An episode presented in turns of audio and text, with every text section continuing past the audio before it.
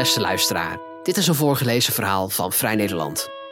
Als eerste Nederlandse gemeente heeft Arnhem een lokaal equivalent van de Nationale Coördinator tegen Discriminatie en Racisme. Zo hoopt de stad ongelijkheid op lokaal niveau te bestrijden.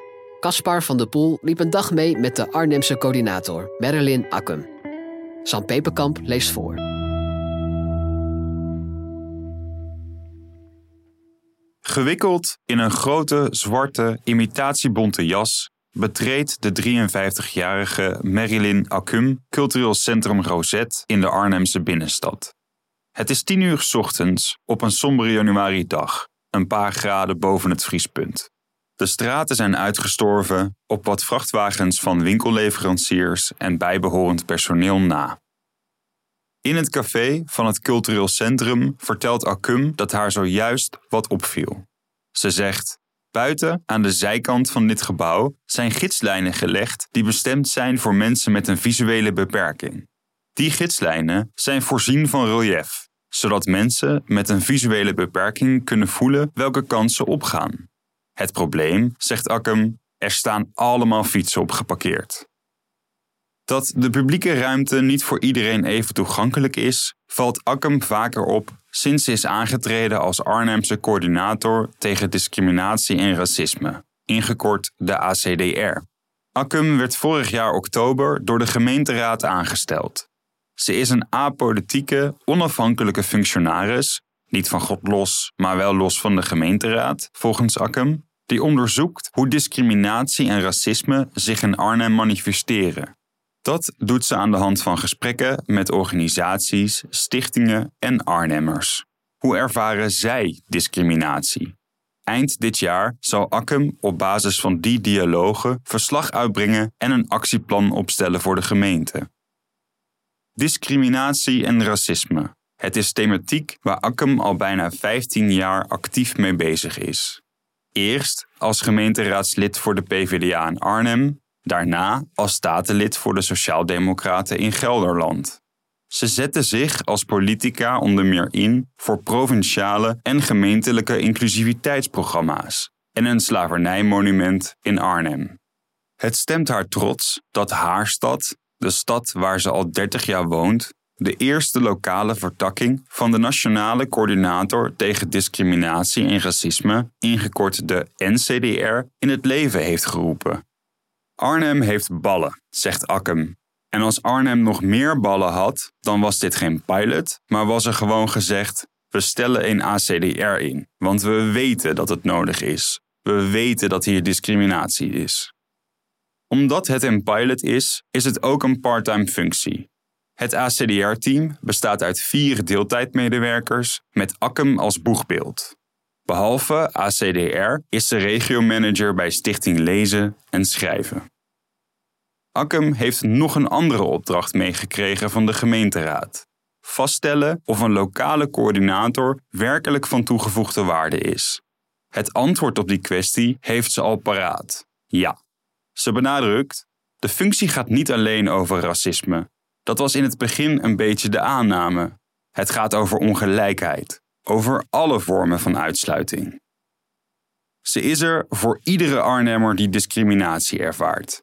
Ze spreekt, om maar wat te noemen, ook met de LHBTIQ-gemeenschap, mensen met een verminderde mobiliteit of visuele beperking. Dat van die gidslijnen naast Rosette leerden ze ook in zo'n gesprek. Er staan vandaag drie gesprekken op de planning. Ze zijn vertrouwelijk en worden niet minutieus voorbereid. Dat doe ik bewust, zegt Akkem. Ik steek ze open in. Ik wil niet belemmerd worden door gedachten die ik op voorhand heb. De gesprekken duren één uur en de leidraad bestaat uit zes bullet points op Akkem's zwarte iPad, die ze voor zich op tafel heeft gezet. Enkele minuten later schuift Nabela Zinat aan. Ze begint: Ik vind het een eer om hier te zitten. Het is een grote verantwoordelijkheid. Iedereen zal naar je kijken. Het is de kunst dat je ons laat kijken naar onszelf.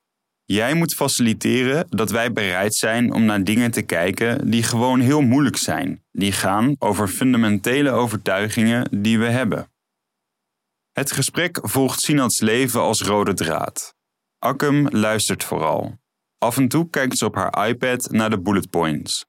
Zinat spreekt vrij uit over opgroeien met haar Marokkaanse moeder, die volgens haar bang was voor alles wat Nederlands is, over haar achtergrond in de psychologie bij transculturele instellingen, waar ze zag dat de westerse geestelijke gezondheidszorg ontoereikend is voor mensen met een niet-westerse achtergrond. Over haar huidige werk aan de superdiverse Hogeschool van Arnhem en Nijmegen, waar ze ziet dat culturele groepen moeilijk mengen en dat er vanwege onkunde en een gebrek aan cultuursensitiviteit spanningen ontstaan tussen docenten en leerlingen. Als voorbeeld noemt ze een incident uit de coronaperiode, toen het digitaal onderwijs werd gegeven. Een moslimstudente had tijdens de les geen hoofddoek om en had daarom haar webcam uit. De docent wilde dat ze die toch zou aanzetten, of ze niet snel een theedoek om haar hoofd kon binden, zei hij. De docent was zich van geen kwaad bewust, vertelt Zinat. Ze zegt: Maar dit soort ongevoelige acties van met name witte collega's onthullen insensitiviteit voor mensen met een andere levensovertuiging. Vooroordelen en stereotypen zitten in iedereen, zegt Sinat, ook in haar. Laatst vroeg ze aan haar 13-jarige dochter waar haar vriendinnetje van Chinese komaf was. Toen noemde ze het meisje niet bij haar naam, maar gebruikte een karikaturale, stigmatiserende naam. Haar dochter zei: Mama, wat zeg je nou? Akkem knikt. Ze snapt het. Wat doet dat dan met jou als je dochter je erop aanspreekt, wil ze weten. Zinat zegt: Dan wil ik het weglachen, want ik schaam me. Als het uur om is, vraagt Akkem welke Arnhemmer ze nog zou moeten spreken. Zo worden gesprekspartners verzameld, middels de sneeuwbalmethodiek. Wees zuinig op jezelf, zegt Sinan tot slot. We moeten het nog lang met je doen. Er is weinig tijd om te pauzeren. KW Boete is aan de vroege kant en neemt plaats tegenover Akkem. Om het ijs te breken vertelt hij waar zijn naam vandaan komt. Hij zegt: Ik kom uit Iran. KW is een Farsi naam, een Perzische naam. Op zijn 25ste kwam hij naar Nederland als politiek vluchteling en seculiere moslim, uit angst voor de sharia-wetgeving van het Iraanse regime. Boete woont nu 28 jaar in Arnhem. Hij vertelt: De gemeente had ooit adviescommissies. Ik zat 18 jaar in de adviescommissie voor minderheden. We kregen subsidie en een vergaderplek. Onze rol was raadsleden en wethouders adviseren om het beleid inclusiever te maken. Een soort ACDR avant la lettre, concludeert Akkem. Ik vind de ACDR nodig, zegt Boete. Ik ben ervaringsdeskundige als vluchteling. Ik heb verschillende deelidentiteiten. Bij elk daarvan ervaar ik impliciete bias, discriminatie, microagressie of racisme.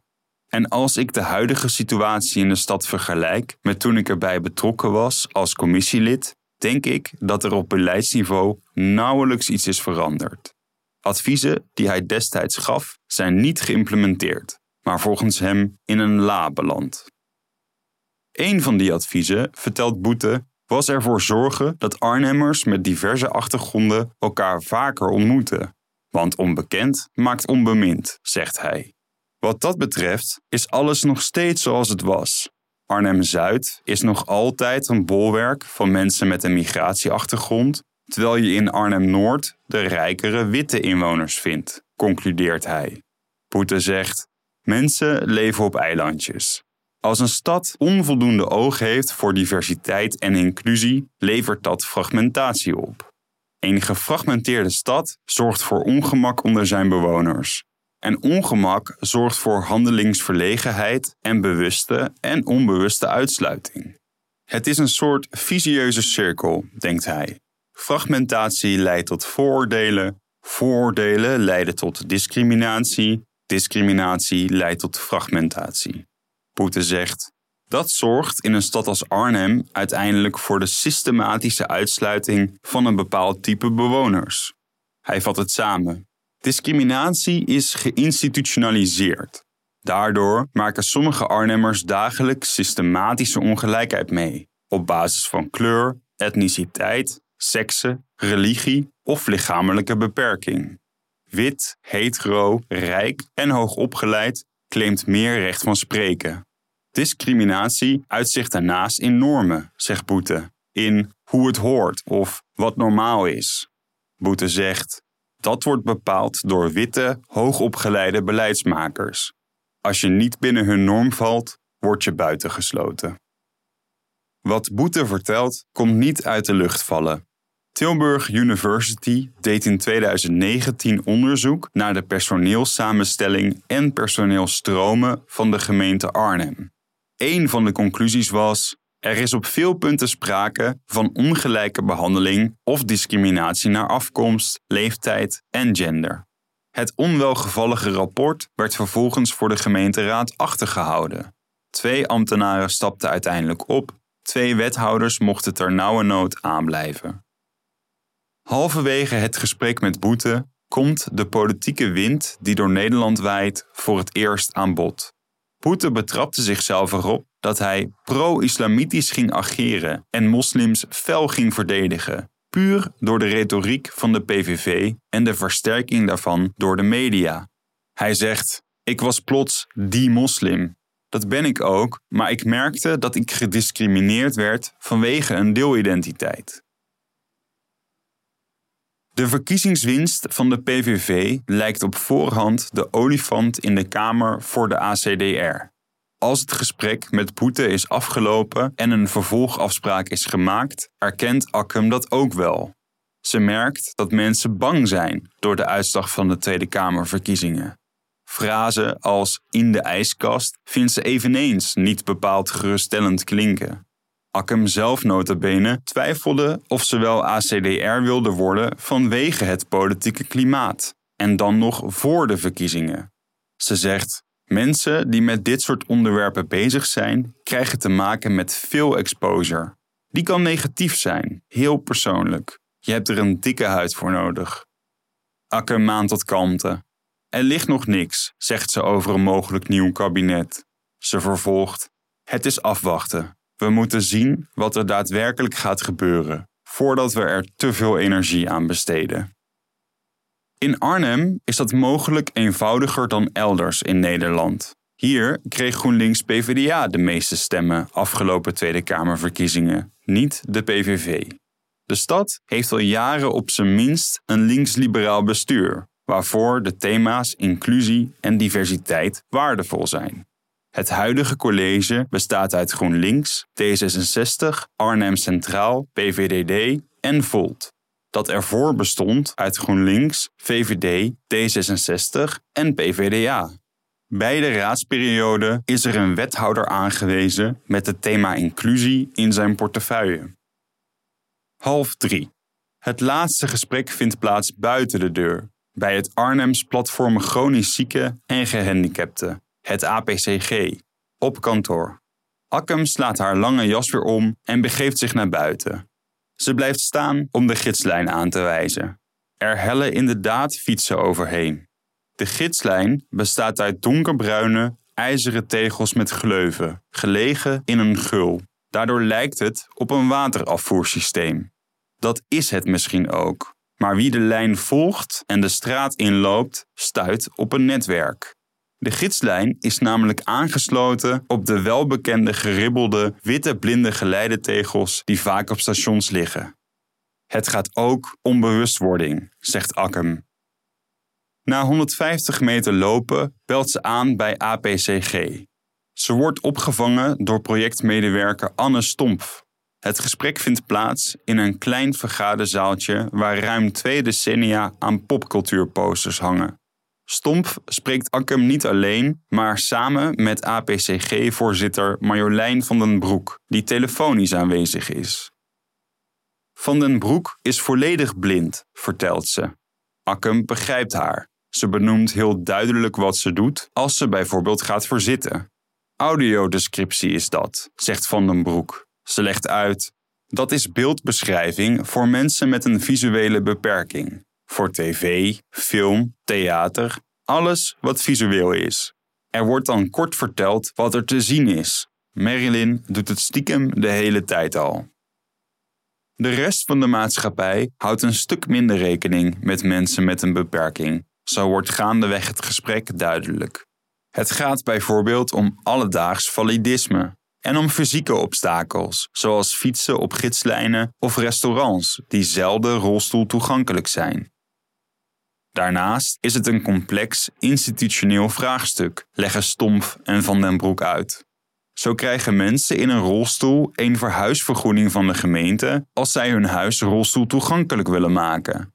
Maar zodra twee mensen in een rolstoel willen gaan samenwonen, kan het zijn dat ze die vergoeding niet krijgen, vertelt Stomp. De redenering is dat ze allebei al adequaat wonen, zegt ze. En dat is natuurlijk niet zo als je met je partner wil samenwonen in een nieuw huis. Dat de wereld niet is ingericht op mensen met een beperking, ervaart Van den Broek ook. Zelfs als het gaat om voorzieningen die juist voor haar bestaan. Zoals de regiotaxi, WMO-vervoer waar ze regelmatig gebruik van maakt. Ze somt op.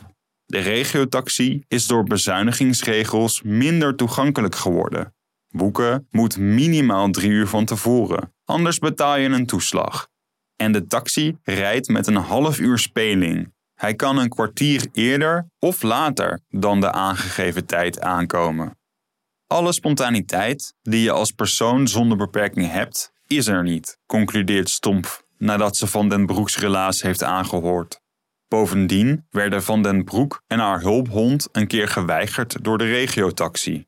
Een klacht daarover indienen vond ze nogal spannend, vanwege de machtsverhouding. Ze zegt: Je zit in een kwetsbare positie, want je bent afhankelijk van de regiotaxi en de chauffeur weet waar je woont. Het gesprek loopt bijna 40 minuten uit. Akkem en APCG zijn nog niet klaar met elkaar, maar wel met deze dag. Het is vrijdagmiddag, bijna 5 uur. Ze maken een vervolgafspraak. Akkem trekt haar jas aan, pakt haar iPad in en loopt de miseregen in, op weg naar haar auto. Voor het einde van dit jaar wil Akkem verslag doen bij de gemeenteraad. Ze denkt niet dat haar adviezen ook in een la belanden of zullen worden achtergehouden. Akkem zegt dat de gemeente er wat mee gaat doen was een voorwaarde om ACDR te worden. Als ik dat niet zeker zou weten, zou ik er niet aan zijn begonnen. Eenvoudig is haar parttime klus niet, beseft ze. Ze zegt: Bij discriminatie en racisme hebben mensen het idee dat ze telkens bij het begin moeten beginnen. Dat moeten we doorbreken. We beginnen niet telkens bij het begin. Dat voelt zo omdat de vraag of er sprake is van racisme en of er gediscrimineerd wordt steeds weer terugkomt. Constant uitleggen waarom dit nodig is mag stoppen. De juiste vragen zijn: wat gaan we eraan doen? Hoe ziet dat eruit? En wat willen we bereiken? Als ACDR heeft ze de kans om die vragen eindelijk eens te voorzien van een antwoord.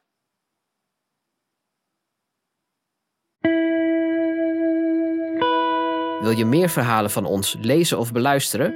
Kijk dan op vn.nl of abonneer je op Vrij Nederland in je podcast-app. Voor onze trouwe luisteraars hebben wij ook een speciale actie. Een half jaar Vrij Nederland online voor maar 15 euro. Kijk voor de aanbieding en de voorwaarden op vn.nl/podcast.